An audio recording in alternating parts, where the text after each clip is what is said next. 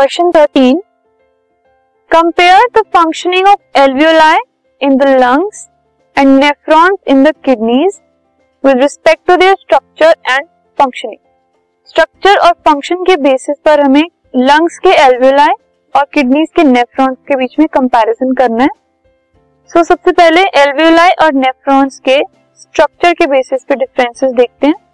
जो एल्वियोलाई हैं they are tiny balloon like structure present inside the lung ये lungs के अंदर होते हैं और छोटे छोटे बलून की तरह इनका स्ट्रक्चर होता है। जो नेफ्रॉन्स हैं, वो किडनी में प्रेजेंट होते हैं और टिब्यूलर स्ट्रक्चर्स होते हैं मतलब ट्यूब्स की फॉर्म में होते हैं।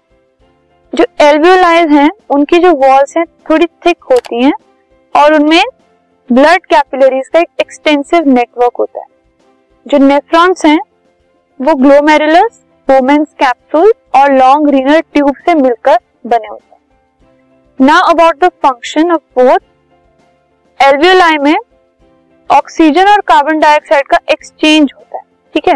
और ये जो एक्सचेंज है, ये ब्लड कैपिलरीज जो होती हैं, जो एल्वियोलाई के आसपास होती हैं, उनमें और जो एल्वियोलाई के अंदर गैसेस होती हैं, उनमें, उनके बीच में होता है।